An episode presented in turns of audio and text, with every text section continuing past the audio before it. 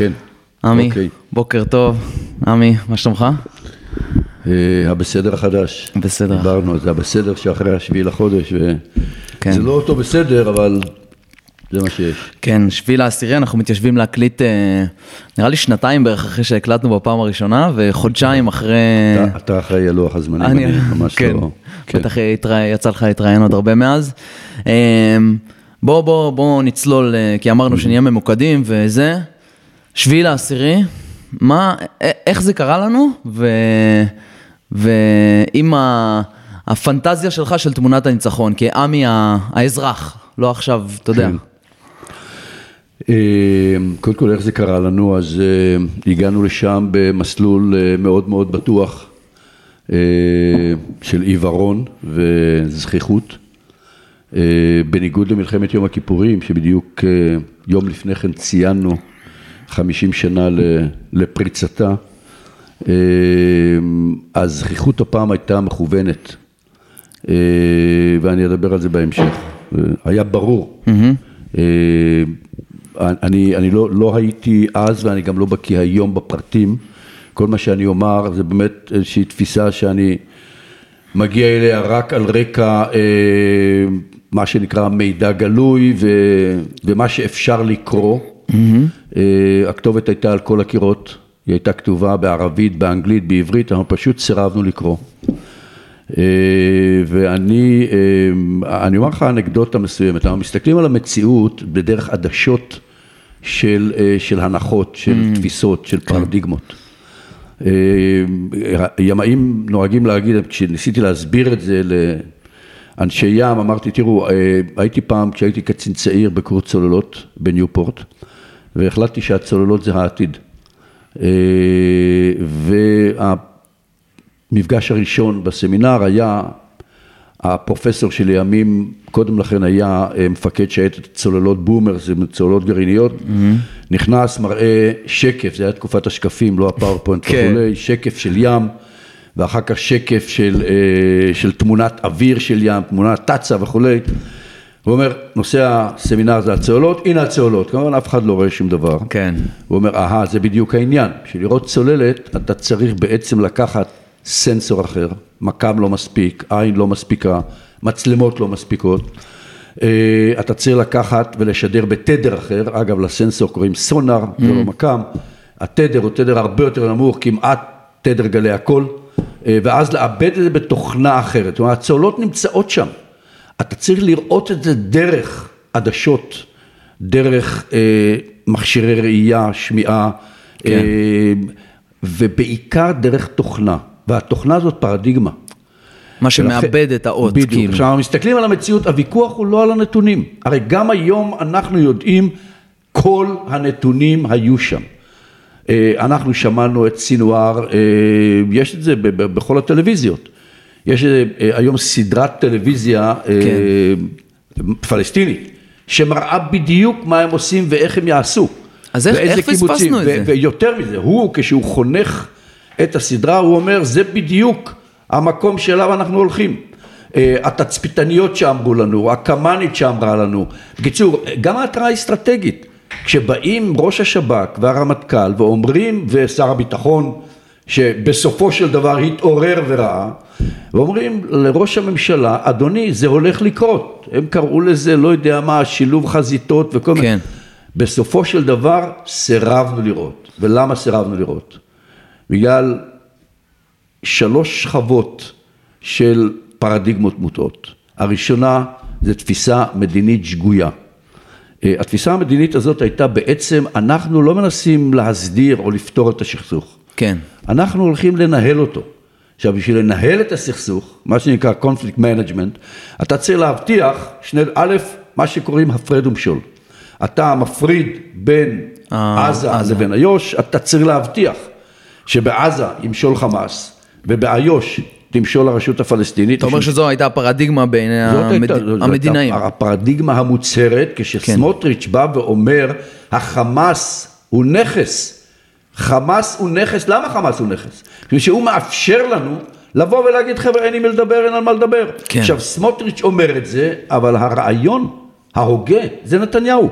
מרגע שנתניהו עלה לשלטון, זאת המדיניות. גם כשהוא אמר שתי מדינות לשני עמים, הוא משקר את עצמו, הוא משקר את כולנו, ובעיקר היה לשקר את כל העולם. ולהגיד, רבותיי, אין לנו עם מי לדבר. כן. אין להם אפילו מה שנקרא מנהיגות משותפת. אגב, כל פעם כשהם ניסו להגיע למנהיגות משותפת, בין עזה לאיו"ש. אז אני אומר לך, איך אומרים, אחריות מתחלקת, אבל לישראל, לממשלות ישראל יש אחריות גבוהה מאוד בחלוקת האחריות. למה הם לא הצליחו להגיע למנהיגות משותפת? אבל זה פרטים שאני מודע אליהם, אני, אני לא רוצה להיכנס כן. לזה היום. על כל פנים, הפרדיגמה הזאת מביאה למדיניות שגויה, והמדיניות הזאת, מבלי שמישהו, עם או בלי כוונה, היא מחזקת את החמאס, היא כן. מבטיחה שהחמאס ישרוד בשלטון, בתנאים כמעט בלתי אפשריים. ואז צריך להעביר לו מזוודות של, לא יודע, בין 1.2 לבין 1.5 מיליארד דולר, מצטבר, כן. במצטבר מקטאר, אה, צריכים להבטיח שהוא אה, יאפשר לפועלים להיכנס על מנת שלא יגבעו ברעב ולא יהיה שם אסון הומניטרי. זאת אומרת, כל הזמן אתה צריך לנהל את זה בצורה שהוא לא יהיה חזק מדי, לא יהיה חלש מדי, וכמובן הרשות, אפילו אם אתה חושב, אגב צה"ל תמיד חשבו, שכל גורמי הביטחון דרך אגב, גם שב"כ, גם חשבו זאת מדיניות מוטעית. שב"כ וצה"ל אמרו לראש הממשלה כל השנים, זה מוטעה, אי אפשר יהיה לשמור על גובה הלהבות. בסופו של דבר אנחנו צריכים להגיע לאיזושהי הסדרה, משום שבסופו של דבר הרשות עם כל חולשותיה, לאורך השנים, אני חושב שאפילו היום, בחולשה הבלתי נסבלת שיש לה, עדיין מנסים פה ושם לסייע לצה"ל, כן. ומסרבים לנקוט באלימות פורמלית. לכן המדיניות הזאת מחלישה את הרשות, מחזקת את חמאס, צריך להסתכל על דעת הקהל. בסוף דעת הקהל אה, היא, הק- היא הק- הישראלית או הפלסט- הפלסטינית? דעת הקהל היא ה- בעצם, היא, היא, היא, היא המקום שאליו פונה הפוליטיקה הפלסטינית. כן. ומה שקורה מרגע שאוסלו נכשל, החל מאהוד ברק שבא ומודיע לנו שאין עם מי לדבר ואין על מה לדבר, וכמובן האחרון שניסה באמת להגיע להסדרה, זה אהוד אולמרט, שנכנס לכלא בגלל שחיתות, אז נתניהו כל הזמן בעצם מנסה לנווט את הדברים האלה, ובסופו של דבר אנחנו מוצאים את עצמנו הולכים במסלול מאוד מאוד בטוח. אל מה שהיה ברור, אני בשעתו, כשהתייחסתי סביב האירועים של ציון 50 שנה למלחמת יום הכיפורים, אמרתי רבותיי, אנחנו הולכים לסערה מושלמת. אנחנו, אני לא יודע לתאר איזה סוג יהיה כן. לאלימות, האם מגה פיגועים של אל-קאעידה, או האם מעין אינתיפאדה שצריך הרבה מאוד... למה? מה ש- כי מה, מה בדיוק, מה היה? כי אני אישית, אני, אין לי את הפרספקטיבה שלך, כן. והסונאר שלי גם לא מאבד כמו שלך כנראה, או של זה, אבל לא ראיתי שאנחנו צועדים לקראת איזשהו אה, תהום, אפשר לקרוא לה. מה, מה, איזה סימנים אתה הערכת שם ש... תראה, אה, אני, אני חוזר לתקופתי, אני חשבתי, אני מעריך כמוך, במשך 33-34 שנים. מבחינתי הפלסטינים היו מטרות דמות, מה שנקרא, אה, יהושפט רכבי תיאר את זה בצורה יוצאת מן הכלל באחד הספרים שלו, ספר החשוב ביותר שלו, הוא אומר, איש צבא, גנרל, לוחם, רואה באויב מטרה שצריך להרוג אותה. כן, זה דבר איום לומר, אבל זאת האמת. שולחים אותנו לשדה הקרב בשביל להרוג, לא בשביל לנהל משא ומתן. משא ומתן שולחים דיפלומטים. נכון.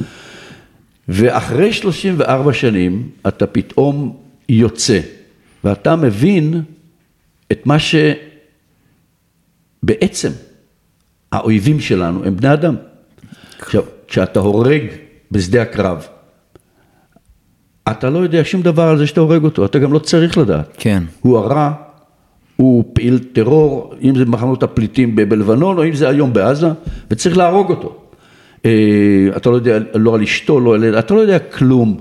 כשאתה מגיע לשב"כ, על מנת להילחם בטרור, על מנת לנצח את הטרור, אתה חייב לדעת כל דבר. להכיר הכל, אותו הכי טוב, על כן. כל אחד מהם, אתה צריך לדעת מאשתו. אגב, מאוד, לאיזה בית ספר הוא שולח את ילדיו? זה אומר המון. הבדל עצום בין מי ששולח את ילדיו לבית ספר של הרשות הפלסטינית, לבין מי ששולח את, את ילדיו. בין 15 ל-18 אחוז מהפלסטינים, בבחירה, שולחים את ילדיהם לבית ספר של החמאס. וואלה. מאמינים בתיאולוגיה, אבל זה 15, 16, 17 אחוז. זה כמעט תמונת ראי כן. לאלה ששולחים את ילדיהם ללמוד את תורתו של סמוטריץ' והרב שפירא ובן גביר אם יש לו בכלל איזושהי תורה. כן. זאת אומרת, אתה פתאום מבין את הפלסטינים כבני אדם, ואתה רואה שהם עם. אנחנו לא, אנחנו, אתה יודע, מתי הם קמו כעם, אין לי מושג, אני לא היסטוריון. אני יודע שהם מוכנים להיהרג לא רק בשביל כלכלה טובה יותר, ולא רק בשביל מה שכל אדם, כל human being מוכן, להביא אוכל לילדיו ולהגן על משפחתו. וצריך להבין, הם מוכנים למות עבור משהו שהם קוראים לו מדינה. אבל אני, אני, מתלבט אם זה לא שהם מוכנים למות משהו עבור הרדיקליות הזאת של האסלאם, וזה כל מה שהם אה, מגלמים בתוכם. אז תראה, אה, אה, א', אתה צודק, אבל אחד האסונות והטרגדיות שקורות למלחמה שלנו, אנחנו כבר לא יודעים להפריד בין הלאומי לדתי. כן. אני אומר לך כאדם חילוני, אני הולך לבית כנסת שלוש פעמים בשנה, איך אומרים, ראש השנה, יום כיפור ו- ושמחת תורה.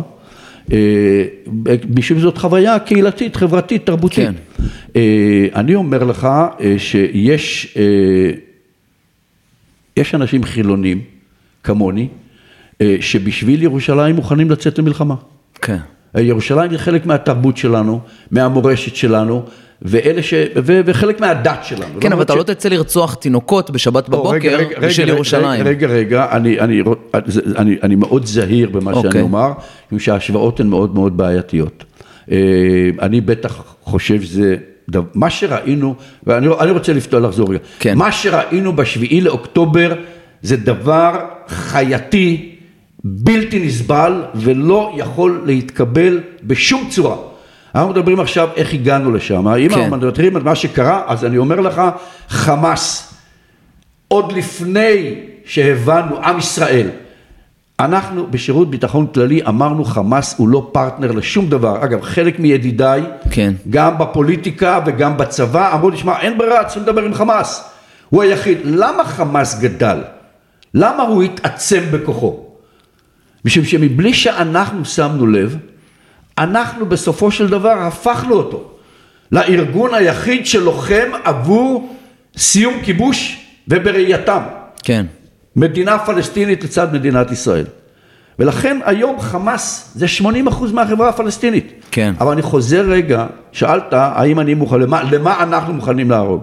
תראה, אה, יש קבוצות קיצוניות, רדיקליות מאוד ביהדות, אם אתה כבר עושה... כן, אבל הם, מוכנים... אה, הייתי אומר שהן זניחות ביחס... זנ... אז, נכון. שמע, שהם אומרים, הם אומרים בעזה אה, חמאס מאנס, כאילו חמאס של האנשים, אני, שעזה היא חמאס. אני, קודם כל, עזה היא לא חמאס. 80 אחוז מהפלסטינים הם חמאס. מפני ש-80% מהפלסטינים רוצים מדינה פלסטינית. לא כי הם רוצים ו... להרוג אותנו? תשמע, יש הבדל בין חלומות, אנחנו רוצים להרוג אותם? אני לא. אתה לא, אתה, אתה ואני לא. לא. אבל אני אומר לך, עם ישראל מוכן, היום אומר כל הפלסטינים זה חמאס, ואין עם מי לדבר ואין על מה לדבר. והמשמעות הצבאית של זה, זה שאנחנו מוכנים לצאת למלחמה נגד פלסטינים. אנחנו כבר מזמן לא נלחמים בטרור הפלסטיני. זה מה שאנחנו אומרים לעצמנו, אנחנו נלחמים בעם הפלסטיני. ושאם אנחנו אומרים, לא, תראה, ממשלת השינוי, לא ממשלתו של בנט, ממשלת השינוי, כן. בראשותו של בנט, לקחה את שלושת הלאווים של חרטום, אחרי 67, mm-hmm. לא, למשא, לא להכרה, לא למשא ומתן ולא לשלום, והפכה אותם למדיניות הישראלית. זאת פעם ראשונה בהיסטוריה שמדינת ישראל באה ואומרת, לא להכרה, לא למשא ומתן ולא לשלום עם פלסטין. Mm. ועל זה אנחנו יוצאים למלחמה. עכשיו, אני לא רוצה לגלוש משום שאני... אין בעיה, אין בעיה. אוקיי, לכן אני רוצה לחזור בטח. בעצם לכל הטעויות כן. שעשינו לדעתי. אני לא יודע, מודע, הדחקה, אבל בסופו של דבר, כן. הכתובת הייתה על הקיר. ואז, מה זה חמאס?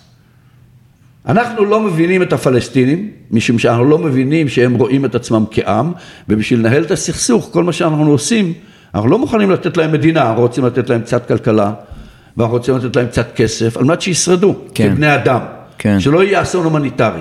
אבל בסופו של דבר, אנחנו לא מוכנים, ואם אנחנו לא מוכנים לראות אותם כעם, אז אנחנו לא מבינים בשביל מה הם נלחמים. עכשיו תבין, ההנחה, ואני עכשיו עובר לקשר המודיעיני. כן. קשר המדיניות גולש אל תוך הקשר המודיעיני. למרות שראשי שירות ביטחון כללי, כולם, אומרים לנתניהו, חייבים, חייבים לצאת למלחמה עם חמאס, מפני שחמאס זה משהו שלעולם לא יכיר בנו, רוצה להשמיד אותנו, לא מאמין בשתי מדינות לשני עמים, וזה הפלג הקיצוני ברשות הפלסטינית. כן. כשהיה אוסלו, והם האמינו בדיפלומטיה, חמאס היה, זכה לתמיכה של 15 או 17 אחוז. כן. עכשיו, לכן התפיסה הזאת גולשת למטה אל פרדיגמה מודיעינית. והפרדיגמה הזאת, שהיא מודיעינית צבאית, בעצם אומרת אחרי 2021, חמאס מורתע. מה זה חמאס מורתע? אנחנו מודדים חומרה, הם מודדים תוכנה. אנחנו אומרים חמאס ספג מכה כל כך קשה באובדן אה, חיי אדם. איפה? בצוק איתן? בעזה, ב- לא, לא, בצוק איתן, אה, מחו- בשומר חומות. כן, כן, שומר חומות 21. כאילו. 2021 הם קיבלו מכה באמת יותר קשה מאשר אי פעם בעבר. אולי הייתה פה הערכת יתר? זה לא הערכת יתר, זה חוסר הבנה של מה זה חמאס. כן, ומה זה מכה קשה בשבילו? זה בעצם? בדיוק העניין, אנחנו מודדים חומרה, אנחנו מודדים את כמות האזרחים כן. שמתו בעזה, אנחנו מודדים את כמות הפעילים, פעילי הטרור שנהרגו, אנחנו מודדים את התשתיות הצבאיות שהושמדו, את המפקדות, ובעצם אנחנו אומרים, החמאס על מנת לשמר את שלטונו בעזה, לא יעז לצאת למתקפה היום, מפני שהוא מבין את המכה שהוא ספג, הוא כן. מורתע, ולכן מה שהוא יעשה, הוא יבטיח שהענפים שהולכים וצומחים על רקע אובדן התקווה למדינה באיו"ש, חמאס, אה, אה, אה, חמאס זוכה שם לתמיכה, משום שהוא הארגון היחיד שנאבק על מנת להגיע לשחרור או לסוף כיבוש. אבו מאזן משתף איתנו פעולה, לכן הוא חלק מהבעיה, כן. והוא משת"פ ישראלי, ולכן אבו מאזן היום הוא פחות מ-20% תמיכה, חמאס הוא בין 70 ל-80 אחוז תמיכה. זה תהליך שאנחנו הגענו אליו. אגב, מי שקורא סקרים, ורוב הציבור הישראלי לא קורא את הסקרים של חליל שקקי, הוא לא רואה את זה. ולכן אנחנו עדיין רואים אותם, איך אומרים, הם או פנאטים או נלחמים בשביל לא יודע לחם וכולי וכולי. בסופו של דבר, מה חמאס מודד? חמאס מסתכל רק על הסקרים. אין לו שום בעיה לשלם במחיר של אובדן הפעילים שלו ואובדן התשתיות שלו. האזרחים ויותר מזה לגבי האזרחים שלו, הוא בכלל רואה אותם כ-human shield. הוא רואה אותם כמגן אנושי. אגב, זאת פעם ראשונה בהיסטוריה האנושית שארגון מדינתי כן. ששולט באוכלוסייה וצריך לשלוט בה ולספק לה איזושהי, פשוט נעלם מהשטח. איזשהו אופק, איזשהו, לא, הוא לא נעלם מהשטח, הוא אומר אני שומר על עצמי כארגון ואני מקריב את אנשיי. פשוט, עכשיו תבין, אני, אה, אנחנו מדברים על זה, אנחנו, מי שמסתכל, מי שמסתכל על חמאס ונכנס ל, ל, אה, ל, לרשתות כן. ולאתרים של חמאס, ונכנס לאתרים של עז א-דין אל-קסאם, הוא, והוא, לא יודע, אני לא קורא ערבית, אבל יש לי מי שמתרגם לי, הוא אומר, האסטרטגיה שלנו זה להביא את צה"ל אל מרכזי הערים, על- ושם אין לו ברירה, הוא חייב להרוג הרבה אזרחים, ואז העולם, הלגיטימציית השעון נכון. העולם והפלסטינים ומדינות ערב יבינו מי זה הטובים ומי זה הרעים. זה אסטרטגיה. ולכן מה האסטרטגיה נלו- נלוזה ונחותה. אסטרטגיה זאת פעם ראשונה בהיסטוריה האנושית הצבאית. אין ארגון, כש- כשסאדאת אמר אני מוכן לשלם במיליון חיילים על מנת להחזיר את סיני, כן. זה חיילים. ברור. הוא לא העלה על דעתו שהם יגנו עליו. עכשיו, אנחנו, הפעם, אגב, אנחנו היום, מי שמסתכל היום על טלוויזיה, פעם ראשונה שאנחנו שומעים באמת את האזרחים הפלסטינים. נכון. שמתחילים, החמאס מסתתר מתחת, ואנחנו, איך אומרים, חשופים פה כן. לכל, לכל הטירוף של המלחמה הזאת. רגע, אני רוצה שתי שאלות, שנייה. שתי... רגע, רק, אני רק אוקיי. אומר, חמאס. מסתכל על סקרים, כן. וחמאס מסתכל על דבר אחד, ואנחנו לא רואים את זה. ולכן ההנחה המודיעינית שחמאס מורתע, זאת הנחה שגויה, כמעט פרדיגמה הרסנית, שבסופו של דבר החוויה של השביעי, הריק, הוואקום האדיר, המודיעיני והצבאי, הוא תוצאה של ההנחה הזאת. כן. עכשיו אתה, כן, מה- מה עכשיו רצית? אני רוצה כן. לשאול, שאלה אחת, א', איך, האוכלוסייה שם בכל זאת לא מקיאה את חמאס מתוכם. איך היא לא מתנגדת לו, איך היא לא... כי, כי קיים, קיימים קולות. אז או שהם איתם, או שאני לא יודע מה להגיד. חמאס מבסס את שלטונו על כידונים. אף אחד לא יעז להגיד משהו שחמאס לא רוצה. אף אחד לא יעז להגיד במסגדים את מה שחמאס לא רוצה. חמאס זה ארגון אלים, והיום, היום דרך אגב, פעם שהוא הגיע, גם כלפי אנשיו. כן. עכשיו, הוא מבין את הגבולות, למשל, בכל שלב, אני, באותה תקופה, מה שנקרא אה, צעדות השיבה, הם קראו לזה, mm-hmm. הוא הבין, צעדות השיבה היה שלב שבו כתוצאה מלא יודע מה, העברת השגרירות האמריקאית וכולי, אה, באמת הייתה, היה זעם עצום, אבל הזעם הזה בעזה הוא גם זעם כלכלי וגם זעם כן. של אובדן אופק מדיני, הזעם הופנה כלפי חמאס. וחמאס היה חכם מספיק על מנת לבוא ולהגיד רבותיי, זה הכל ישראל. נתב אותו על ישראל. ובמידה רבה שלח את אנשיו. עכשיו, היו אנשים שקיבלו כסף בשביל ללכת לגדרות, ברור. היו אנשים שאיימו על משפחותיהם, ש... אבל בסופו של דבר אנחנו פגשנו עשרות אלפים כן. מול הגדרות, ונאלצנו לשלוח צלפים. זאת אומרת, אתה שולח צלפים בשביל לפגוע באזרחים, ש... כמעט כולם, החמושים של חמאס נמצאים מאחורה. נכון. מה שאתה פוגש מקדימה, ולכן החמאס הוא ארגון, אני לא יודע, מניפולטיבי, אבל הוא מבין איך להשתמש. כן. ולכן התשובה היא מאוד קשה. כן. אבל העובדה שהם בשלב מסוים, באותם שלבים, היום זאת פעם ראשונה שאנחנו שומעים, איך אומרים, אנחנו שומעים את זה באל-ג'זירה. כן, אני רואה כל מיני קטעים שאז פתאום הכתב משתיק. צה"ל- דובר צה"ל מעביר את זה, אבל אנחנו, אנחנו לא מסתכלים באל-ג'זירה, בואו, כן. אנחנו לא, לא רוצים לראות את התמונות האיומות של, אבל אפילו כתב אל-ג'זירה, שאומר לאותה אישה קשישה, אומרת, רגע, רגע, זה, זה, אין, אין מספיק, היא אומרת, לא, יש הרבה אספקה. כן, אבל הכל, בדיוק ראיתי את זה אתמול, החמאס לוקח את הכל. נכון, ולכן זאת פעם ראשונה שאנחנו רואים, אגב, ברשתות, אתה שמעת את זה כבר אז. כן. אני אומר לך שחברים שלי שמדברים עם אנשי, עם פלסטינים בעזה, הם אומרים, שמע, אה, אגב, חליל שקקי בסקרים שלו, אומר, רבותיי, חמאס ידע להפעיל את האנשים ולנצל את הסבל שלהם על מנת להפנות את הזעם שהופנה כלפיו, על מנת שהוא יופנה מול כן. מדינת ישראל. ואנחנו נאלצים להתמודד עם הסיטואציה. אה, למה חמאס עושה את זה? אני לא רוצה להגיד, תשמע, בסופו, ה- אה, אנחנו הגענו לסיטואציה, ואני רוצה להמשיך רגע, כן. אה, מה קרה בעצם כתוצאה מהכשל המודיעיני. בבקשה. הכשל המודיעיני הזה בעצם מביא אותך לאותה סיטואציה שבה יש צוללות ואתה לא יכול לראות אותן. משום שאתה רואה את המציאות דרך עדשות של אותה פרדיגמה. כן. אם הפרדיגמה היא שחמאס לא יתקוף, אז זה בדיוק יום כיפור.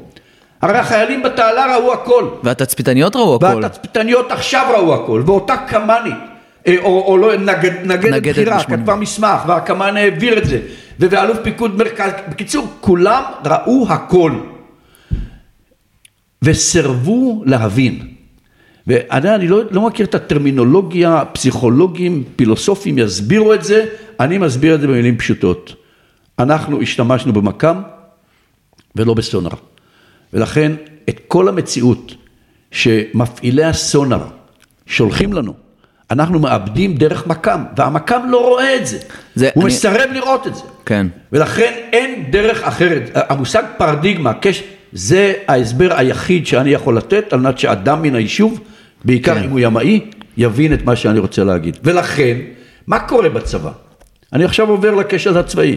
על בסיס הפרדיגמה הזאת, אומרים חבר'ה, פה לא, פה לא תהיה התקפה. אה, אנחנו אה, מעבירים, איפה, איפה הבעיה שלנו היום? הבעיה שלנו היא היא באיו"ש, כן. ואנחנו חוששים מאוד מלבנון. משום שלחיזבאללה, מה, ש, מה שיש לחמאס, תכפיל את זה במכפלות. כן. זה רמת הדיוק ורמת העוצמה וההיקפים והסיוע הישיר שהוא מקבל מאיראן, אופרה אחרת לגמרי. כן. ולכן אנחנו מעבירים כוחות גם ללבנון, משום שאנחנו, תראה, הצבא מבין, הצבא, אני, אני רוצה קודם כל לחזור רגע לנתניהו, הצבא, הרמטכ"ל, אה, ראש, אה, אה, אה, אה, ראש שר הביטחון, אה, ראש השב"כ, ראש המוסד, כולם מעבירים לו התראה אסטרטגית. אגב, ראש השב"כ גם אומר לו, אני לא אוכל להגיד לך בדיוק מתי, אבל אני אומר לך זה יקרה, משום שאני יודע מה זה חמאס. כן. ולכן כל הדברים האלה, זה האנרגיה שעליה דרך אגב אני דיברתי שבוע שבועיים לפני זה כשהתייחסתי בכלל למה שראינו ככישלון של מלחמת יום הכיפורים. אבל אמרתי נשאר- דרך אגב בטלוויזיה אז, מלחמת יום הכיפורים הייתה זכיחות ועיוורון. אה, במלחמת, במלחמה הבאה שצפויה לנו, זה יהיה אנחנו מכרנו, אותם פוליטיקאים שמכרו את נשמתם על מנת לשבת על הכיסאות שלהם, ולכן אנחנו לא נוכל לבוא ולומר שזה היה עיוורון. זה היה זכיחות, זה היה, זה אפילו לא טמטום, זה פשוט למכור את ביטחונה של מדינת ישראל כן. ועתידה של מדינת ישראל עבור נכס פוליטי, כן. עבור הישרדות בפוליטיקה. ולכן זה כל כך חמור. אני לא יודע, דרך אגב, אם יש סעיף פלילי בספר הדין הפלילי במדינת ישראל. אני יודע שזאת המציאות. כן. וזאת המציאות שפגשנו בשביעי לאוקטובר. ולכן, במציאות הזאת, אנחנו מסתכלים מה קורה בגדה. בגדה, בשנתיים האחרונות, האנרגיה הזאת הולכת ועולה. אני אומר לך, עד עכשיו, דרך אגב, אה, נהרגו אה, כ-250 פלסטינים, מהשביעי לחודש. כן. 250 פלסטינים בערך נהרגים. אגב, רבים מהם דרך אגב הם גם לא, הם גם לא פעילי חמאס.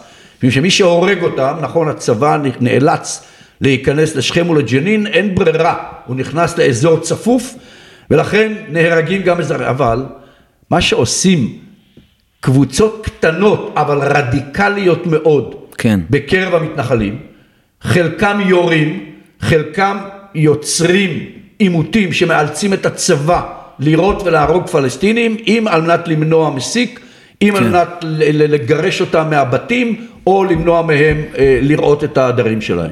ולכן שם עולה האלימות, ולכן כן. צה"ל, לא, אגב אני כבר לא מדבר על, אה, על אה, אה, שר שבונה לעצמו משרד בחווארה, כן. ופלוגות שלמות נאלצות לשמור עליו. אני כבר לא מדבר על אנשים שדורשים להתפלל בקבר יוסף, כן. וגדודים צריכים ללוות אותם. זאת הייתה המציאות. כשאנחנו בשביעי לאוקטובר, בשמחת תורה היום שבת, אני אומר לך שגדודים שלמים עושים דברים שהם ממש לא נחוצים באיו"ש, כן. משום ששם מבחינתנו הבעיה. כן. ועל בסיס ההנחה השגויה שחמאס לא יתקוף, ואם יתקוף, יתקוף דרך הזרועות שלו בג'נין ובשכם, זה מה שמביא אותנו בעצם לשביעי לאוקטובר. כן. אני הבנתי את, אה, בוא נגיד את הפרדיגמות ואת, ה, ואת השלבים, אני רוא- זה, יש ב... ב-trickling down הזה, כאילו בטפטוף מטה של הפרדיגמה, משהו שהוא מאוד מאוד עושה הנחה לצבא ולמודיעין. כאילו, אני מצפה ש... או לפחות ציפיתי, ואני מאמין שזה יקרה בעתיד, שגם אם רצה איזה פרדיגמה מלמעלה שחמאס מורתע, שתהיה תרבות מספיק בריאה בתוך הארגון, שהתצפיתניות והנגדת הזאת מ-8200 יוכלו באמת להציף את האירוע. ושהוא אני- יעלה ממש עד למעלה. אני שמעתי על תצפיתניות שאמרו להם, אם אתם עוד פעם תפנו למח"ט, אתם תודחו, אתם... זה כאילו, זה תרבות פשוט לא הגיונית. תראה, אני, אה, א', אתה צודק, ואני, אה, אני, יש המון דברים שאני לא. אני לא פסיכולוג, אני לא סוציולוג, אבל הייתי הרבה שנים בארגונים היררכיים. אה, בארגון היררכי, אה, אני זוכר שאמרתי את זה כשסיימתי את שירותי בשב"כ. כן. אה, משום שאני חושב שכשהייתי בחיל הים עוד לא הבנתי את זה. בארגון היררכי, אפילו אם, מדבר, אם הוא מדבר על תרבות פתוחה, היא לא קיימת. כן, אה? היא פשוט לא קיימת. הלקח החשוב ביותר שלמדנו במלחמת יום הכיפורים, זה בעצם חוסר, זה בדיוק מה שקרה לנו הרי. כן. ואז אמרנו, אופה, האיפכא מסתברא. כן. אנחנו חייבים בעצם להביא מנגנון ממוסד, שתמיד ייתן לנו את הדעה האחרת. כן. היום קוראים לזה הבקרה. כן. ואני אומר, זה קשקוש מוחלט. אין איפכא מסתברא ואין בקרה אמיתית בארגון היררכי. שארגון, בארגונים היררכיים, במטה הכללי, סוקרטס לא יושב. כן. הוא לא יושב, אנשים לא רוצים לשמוע אותו. עכשיו, כשהשתחררתי מהשירות, אז אמרתי, תראו, אה, אני אומר את זה בעצב, אני חלק מהבעיה, אני כראש הארגון, אני רציתי להפוך את שירות ביטחון כללי לארגון מסודר. והעתקתי כל מיני דפוסים ניהוליים שהבאנו מהצבא, אחד מהם זה הסוציומטר. כן. ואתה אומר, אני רוצה באמת חוות דעת אמיתית, לא מה שאתה, כולנו יודעים לדבר אל המפקדים ולהראות להם כמה אנחנו גיבורים וכולי, הרבה פעמים מה שנקרא, שרואים. בסככות, כן. כן, אלה שאתה, איך אומרים, הולך איתם למשתנות ומתקלח איתם כשאין מים חמים. כן. ואז רואים בדיוק מי זה בן אדם. הסוציומטר הורג כל חשיבה אחרת. ושכל הטמבלים האלה, שהם כנראה יותר חכמים מאיתנו, אבל תמיד יש להם מה להגיד, ובדרך כלל הם אומרים לנו שאנחנו טועים, אנחנו לא סובלים אותם, בסוף בסוף אנחנו רוצים, לה... את מי אנחנו מביאים סביבנו? נכון. אנחנו רוצים, אתה יודע, היה לי מדריך, אה? השייטת של- השייטת של אז, כן. והוא פעם התבדח ואמר, הוא היה ירושלמי, לא ידע לשחות טוב, אבל היה לוחם בסדר, הוא היה מדריך גבוה, יפה, כנפי עטלף, מה שצריך ביחידה. כמו שצריך, בדיוק. והוא אמר, חבר'ה, איך אני יודע מי מתאים ומי לא? אני לוקח את התמונה שלו, אני שם אותו בדמיוני עם התמונה, מדביק לו כנפי עטלף. אם אני רואה שכנפי עטלף לא מתאימים לו, יאללה, הוא לא מתאים. עכשיו, זה- זה מצחיק, זה עצוב, זה טרגדיה. כן, כי אתה תמיד, גם בתור מגבש לדוגמה, אתה בוחר אנשים בדמותך. אלא כאילו מה, אתה... אלא מה, אתה יודע, אני, ראיתי אנשים מגיעים לעמדות פיקוד, הם מביאים את החבר'ה שהיו איתם בחובלים במחזור, או המחזור בשייטת, אנחנו רוצים להרגיש טוב. כן.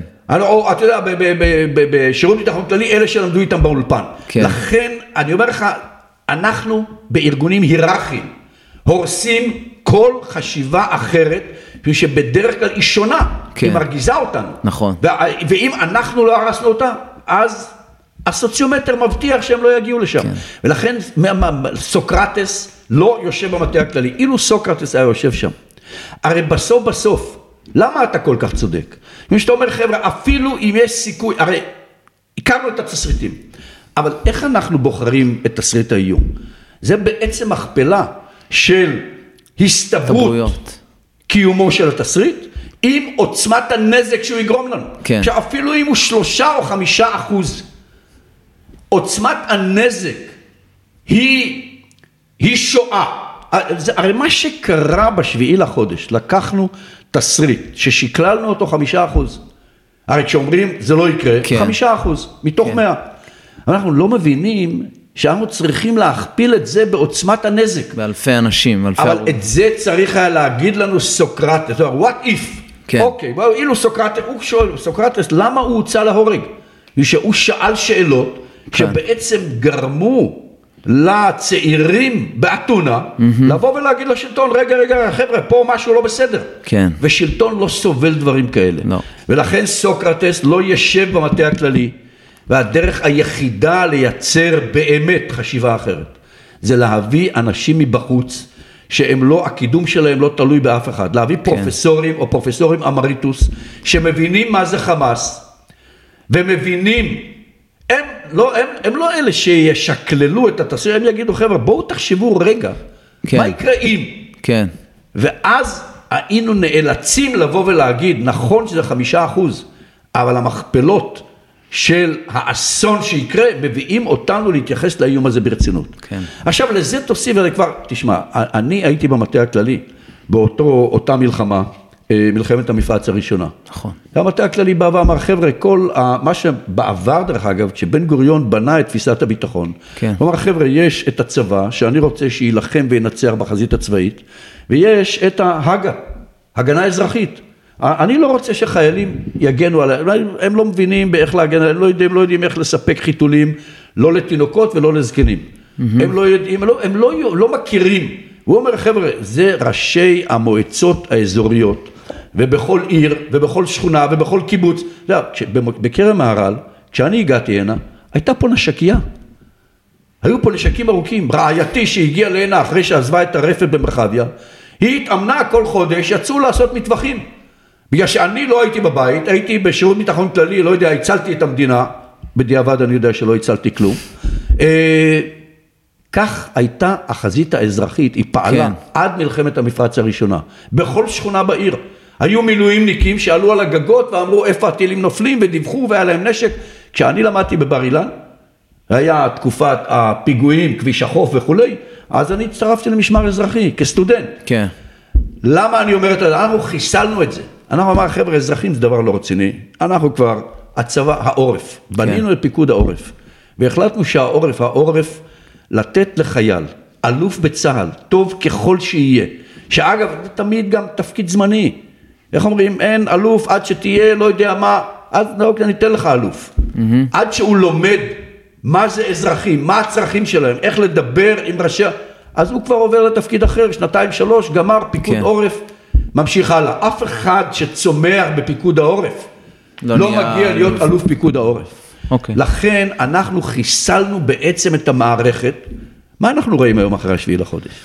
אין ממשלה. פיקוד העורף, כן, בעצם עד משרד מחבל. הביטחון לקח את האחריות על כל הדברים. משרד הביטחון התעקש, אגב, לימים כשהבנתי אני כאזרח, כשראיתי שפה בכרם מהר"ל אין נשקייה, לא, לא, לא יודע מה, אני, אני, אני גדלתי בקיבוץ מעגן, אבא שלי היה אחראי על החזית המזרחית, הוא היה סמל בהגנה, הוא היה אחראי על החזית המזרחית של קיבוץ מעגן. היה לו טנק תחת פיקודו, באמת? T54, כאזרח. הוא לא, הוא, כאזרח, מה זה כאזרח? הוא, הוא מפקד. אז יאללה. בטח שהוא אזרח. כן. כל התעלות היו תעלות, ואחת לשלושה ארבעה חודשים היו, היו, הטנק הזה לא זז, אבל התותח שלו עבד. וואלה. והטובה יכלה בדיוק, להסתובב. ולכן הטנק הזה, קודם כל, כל הסורים ידעו שיש טנק, שנית הטנק הזה ידע לראות, שלישית כל האנשים ידעו לתרגל, ואז כן, איך אומרים בקיבוץ, כשאני נולדתי, שלושה חודשים בן גוריון נתן הנחיה, חיינו בחיפה. אתה נולדת ו- ב-48, נכון? אני ש- נולדתי ב-45. 45, סליחה. 48 כבר הייתי ילד גדול, אה, הייתי בן בן מוכ- שלוש. כן. פינו אותנו לחיפה יחד עם הגננות, כל הנשים והגברים האחרים נשארו להילחם בגלל שהסורים ירדו מרמת הגולן כן. ונעצרו בצמח. והם היו בחצר כנרת, אף אחד לא ידע איפה הם יעצרו. לכן זה היה החזית, אנחנו חיסלנו את זה במו ידינו. מה אנחנו אתה רואים חושב היום? שזה צריך לחזור, שתהיה הגנה כאילו בידי אני האזרחים? חושב, ש- אני, אני כותב על זה ומדבר על זה וואלה. מאז שהייתי בפוליטיקה. אני אומר, קודם כל, מה זה, מה זה עורף?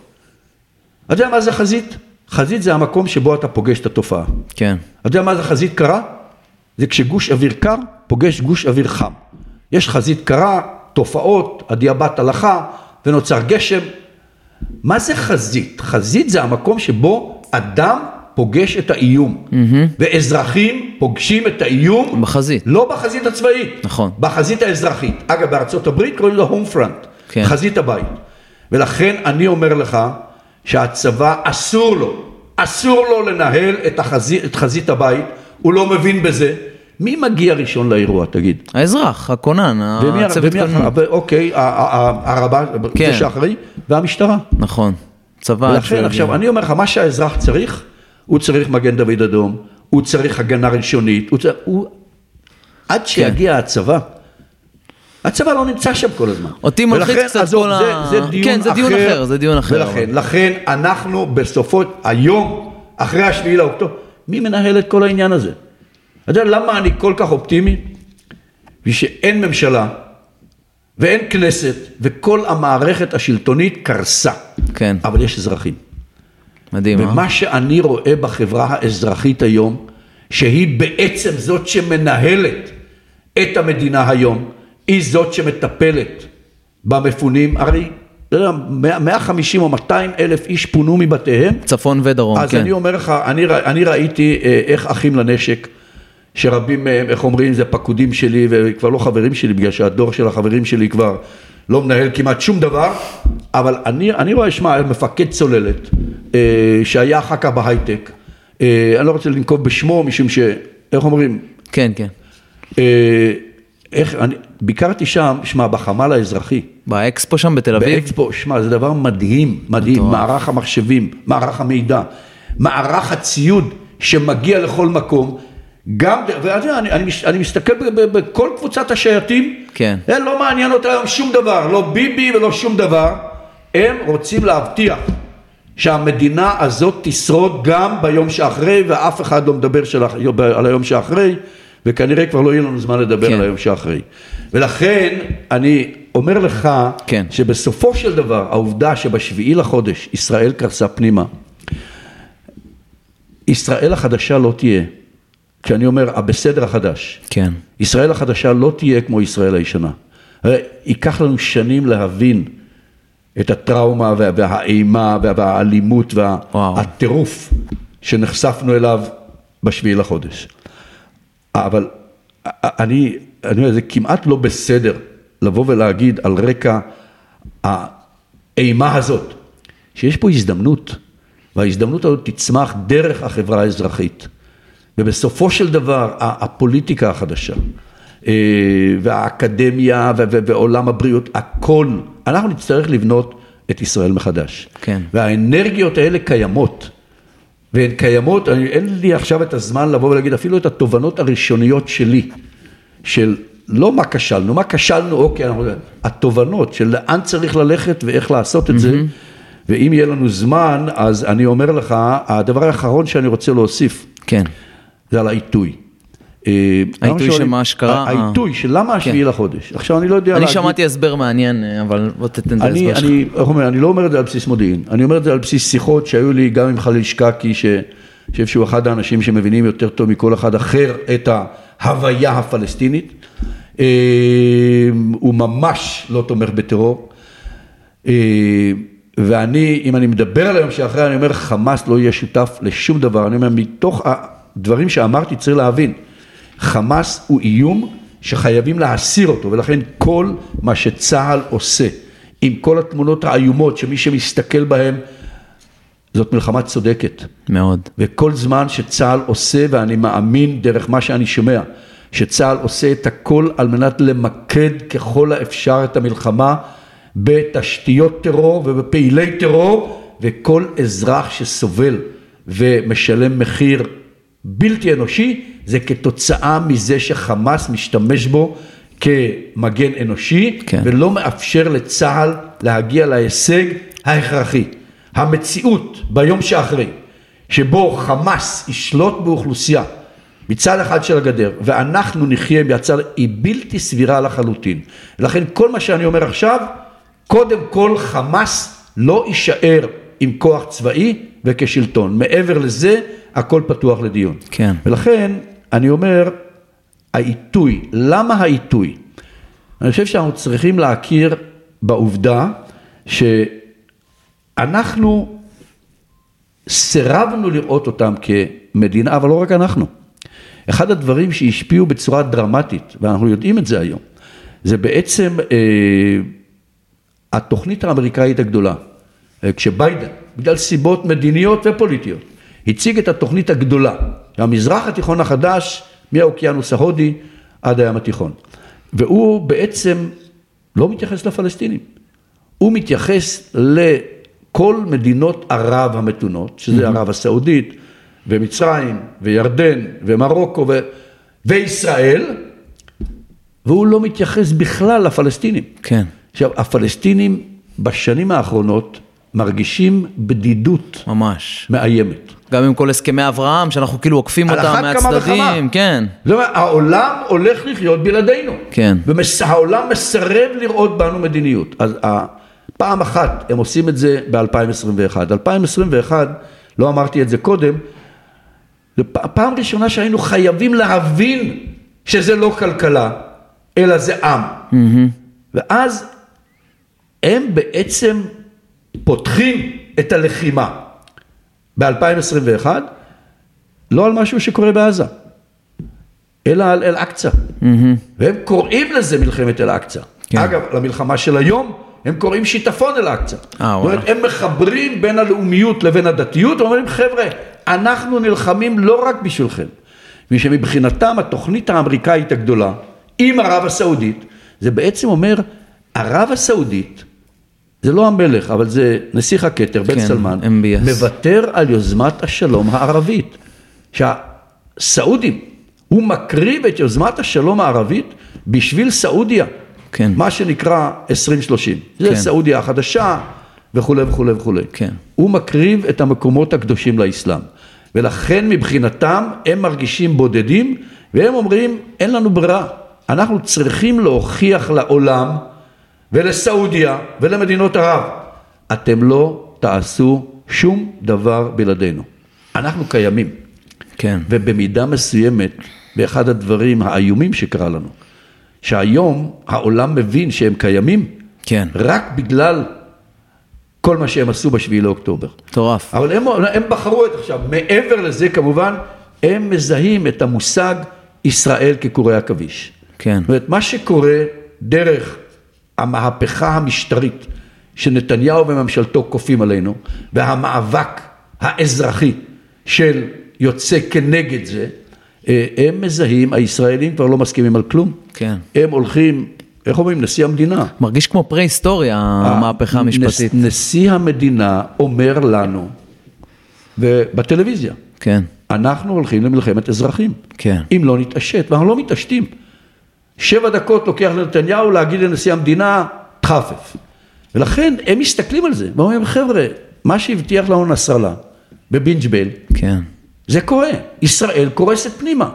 ולכן זה אחד מהגורמים שגורמים להם בסופו של דבר, עם עוד הרבה אלמנטים, חמאס, כל פעם אחרי סבב אלימות, וגם עכשיו דרך אגב, צריך להבין, חמאס צמח בצורה איומה בדעת הקהל. אגב, אנחנו כל הזמן מסתכלים על הממשלים במדינות ערב. הממשלים במדינות ערב שונאים את חמאס ומאיים על המשטר. כן. אנחנו כבר היום רואים שהמשטר בירדן, איך אומרים, מאבד את אחיזתו. במצרים אנחנו רואים את הרחוב, אנחנו לא מסתכלים על הרחוב. ובסופו של דבר הרחוב הערבי, הרחוב הפלסטיני והרחוב האיסלאמי תומכים בחמאס. זה הדבר הגרוע ביותר שיכול לקרות. כן. האיום היחיד על חמאס זה לא להרוס את הזרוע הצבאית שלו, וגם לא להוריד את השלטון שלו. משום שאם ביום שאחרי אנחנו נגיע כשאין לו צבא ואין לו שלטון, ואנחנו בתוך ואקום אידיאולוגי, אז האידיאולוגיה של חמאס, תישאר. לא שהיא תישאר, היא תצמח עד כדי כן. אימה. ואגב, החמאס של היום, דרך אגב, מה קורה לקבוצות אסלאמיות פונדמנטליסטיות כשהן לא מצליחות? תמיד צומח בהן ענף רדיקלי יותר. כן. זאת אומרת, כשהאחים המוסלמים נכשלו במצרים בשנות ה-50 וה-60, מהם צמח, צמחה האידיאולוגיה של אל-קאעידה. כן. כשאל-קאעידה לא הצליחה לייצר את החליפות כן. בעיראק, והוויכוח אחרי חיסולו של בן לאדן בין זוואהירי לבגדדי, דאעש צמח. ולכן, מה שראינו דרך אגב בשביעי לאוקטובר, זה לא אלימות של האחים המוסלמים. אפילו אם זאת לא האידיאולוגיה השלמה של דאעש, זאת אלימות של דאעש. כן. ולכן אנחנו צריכים להבין שכשאנחנו נדבר על היום של אחרי, זה חייב להיות יום שמתעמת עם האידיאולוגיה, ועל מנת לנצח אידיאולוגיה הדרך היחידה זה להציב מולה אידאה אחרת. אבל והאידאה האחרת זה לייצר תקווה. ואם אתה רוצה פסוק או פרק מהספר, אחד הפרקים בספר שלי זה ביטחון עבורנו מחייב תקווה עבורם. כן. אני רואה את הדברים האלה מיום שהגעתי לשירות, ובגלל זה האמנתי אז. ואני חוזר עוד פעם לדברים שאמר יהושפט רכבי. אנחנו, אנשי צבא, מסתכלים על האויב דרך הכוונות. זה משהו שצריך לירות בו ולהרוג אותו. אבל מדינאים צריכים להסתכל על האויב דרך מישהו שביום שאחרי תצטרך לדבר איתו. כן. ולכן כל מדינאי שבא ואומר לי, חמאס הוא לא פרטנר, אני מסכים איתו, אבל מי שבא ואומר לי, פלסטין היא לא פרטנר, או הרשות הפלסטינית היא לא פרטנר, אני אומר, תפקידך להפוך אותו לפרטנר. וביום, אני יודע את זה משום שראינו את זה בשנות התשעים, ביום שתהיה להם תקווה להשיג מדינה לצד מדינת ישראל, מבלי לשלם את המחירים שהם משלמים, אז אני אומר לך, דעת הקהל הפלסטינית תתהפך.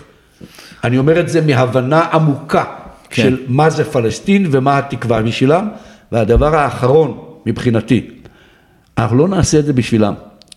בשבילי, מדינה פלסטינית זה לא מתנה לפלסטינית, זה הדבר היחיד שמבטיח שמדינת ישראל תהיה בטוחה יותר ותשמור על זהותה היהודית דמוקרטית. שאם אנחנו לא רוב, ולמי ששכח מהירדן עד הים, אנחנו לא רוב. אנחנו שבעה מיליון, הם שבעה מיליון וקצת. ולכן אם אנחנו לא רוב, אנחנו לא נוכל במדינה שלנו להכתיב את אופיו של הדיון הציבורי או של בכלל, לא של התרבות ולא של השפה ולא של לוח, לוח השנה. כן. ולכן על מנת שמדינת ישראל תהיה בטוחה יותר ותשמור על זהותה, שתי מדינות לשני עמים. כשהגבול יעבור על בסיס יוזמת השלום הערבית, זה הדרך היחידה להבטיח כן. את זה. אוקיי. אה, טוב, ועכשיו נלך כאילו, אני יודע שאולי לדעתך אין, או זה קצת יותר מורכב, אבל uh, תמונת הניצחון, ומתי כל הדבר הזה מסתיים, הסינואר בפלנלית על העיניים והזיכונים. אני חוזר לספר. לספר שלי, mm-hmm. שאגב, למזלנו הרב... פרנדלי פייר, תגיד את שמו. אה, אוקיי, אש ידידותית, אה, אש כוחותינו, סליחה. אש כוחותינו. אש כוחותינו, אני, לשמחתי הרבה, הוא לא הפך לבסטסלר, כך שאנחנו יושבים באותו מקום ובאותה... הוא גם לא יהפוך לבסט-סלר, הוא ספר קשה. ספר קשה? אני צריך לקרוא אותו. אתה מחפש תמונת ניצחון? אני רוצה לראות את סינואר מובל אני... בתחתונים החוצה מהבונקר. אז זה בדיוק העניין. אה, אתה צריך להבין, ולפני דקה הסכמנו, שהרי אנחנו חשבנו שכשערפאת עזב בטריפולי, אה. לתוניס, אנחנו ניצחנו. כן. אבל לא ניצחנו בלבנון והוא חזר דרך עזה. אז מה זה תמונת ניצחון? אני כל הזמן מדבר על זה שלנצח את הטרור זה ניצחון אחר. לא תהיה תמונת ניצחון. נקודה. זה מדכא, רגע, לא, זה מדכא לא מה שאתה אומר. לא, זה לא מדכא לחלוטין. ואני רוצה להוסיף, לא תהיה תמונת ניצחון קודם כל, משום שגם אם יחיא סנואר יחזיר את נשמתו לבורא, או גם אם יחיא סנואר ירים את ידיו ויצא לגלות במצרים או לא יודע איפה, אז מישהו אחר, אלים ממנו, יחזור ממקום אחר. זה אז, בדיוק מה שקרה, אז, גיר, גירשנו את ערפאת מלבנון והוא חזר דרך, לכן אני רוצה להגיד, נגד הטרור, תמונת ניצחון, זה רק כשהאידיאולוגיה מנוצחת. אז רגע, אני רוצה להגיד לכן, לא, משהו. לא, לא, אני, אני אגיד לך מה, יש, יש לנו תמונת ניצחון. כן. תמונת הניצחון שלנו זה יוזמת הערבי, יוזמת השלום הערבית, במרץ, באביב 2002. כן. עכשיו, למה זאת תמונת הניצחון? ושתמונת הניצחון כפי שהיא מנוסחת על ידי כל מדינות הליגה הערבית בביירות היא אומרת את הדברים הבאים רבותיי. אנחנו הרמנו דגל לבן. שלושת הלאווים של חרטום ב-67 אחרי הניצחון הצבאי המפואר. אחרי שיוסי בן חנן היה בתעלה ותמונת הניצחון שלנו הייתה יוסי בן חנן בתעלה עם הקלצ'ניקוב שאגב הוא הנשק היחיד שכשהוא נרטב גם בעומק עשרה מטר הוא ממשיך לירות. מי כמוך יודע. זה תמונת ניצחון, לא, זאת הייתה תמונת הניצחון במלחמות של אז. במלחמה של היום אין הכרעה צבאית בדרך לניצחון. צה"ל חייב להכריע את הקרב, אני לא אומר שום דבר נגד מה ש... אבל זאת לא תמונת ניצחון, משום שניצחון לא מוגדר במונחים צבאיים. ולכן כשכל מדינות הליגה הערבית אומרות אנחנו נכנעים, כל שלושת הלאווים, כשאמרנו לכם ב-67, אחרי שהשפלתם אותנו, בכל החזיתות, בירדן, בסוריה, במצרים, שלושת הלאווים של לא להכרה, לא למשא ומתן ולא לשלום ישראל, הבנו. לקח לנו המון שנים, ב-2002 אנחנו הופכים את זה לשלושת הכן.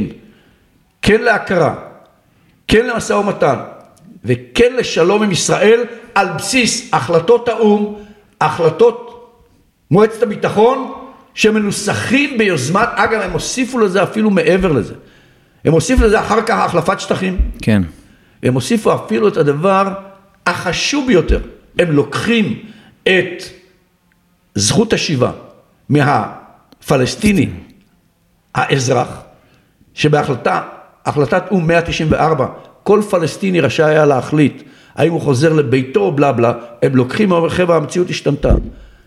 והרשות הפלסטינית תנהל משא ומתן עם ישראל על האם יחזרו, כמה יחזרו, מה יהיה הסטטוס שלהם, הם מעבירים את זה לרשות הפלסטינית כנציגת העם כן. הפלסטיני.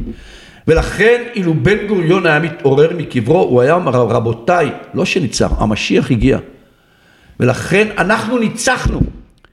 ואם לא נבין את זה, אנחנו נמשיך להילחם עד קץ כל הדורות.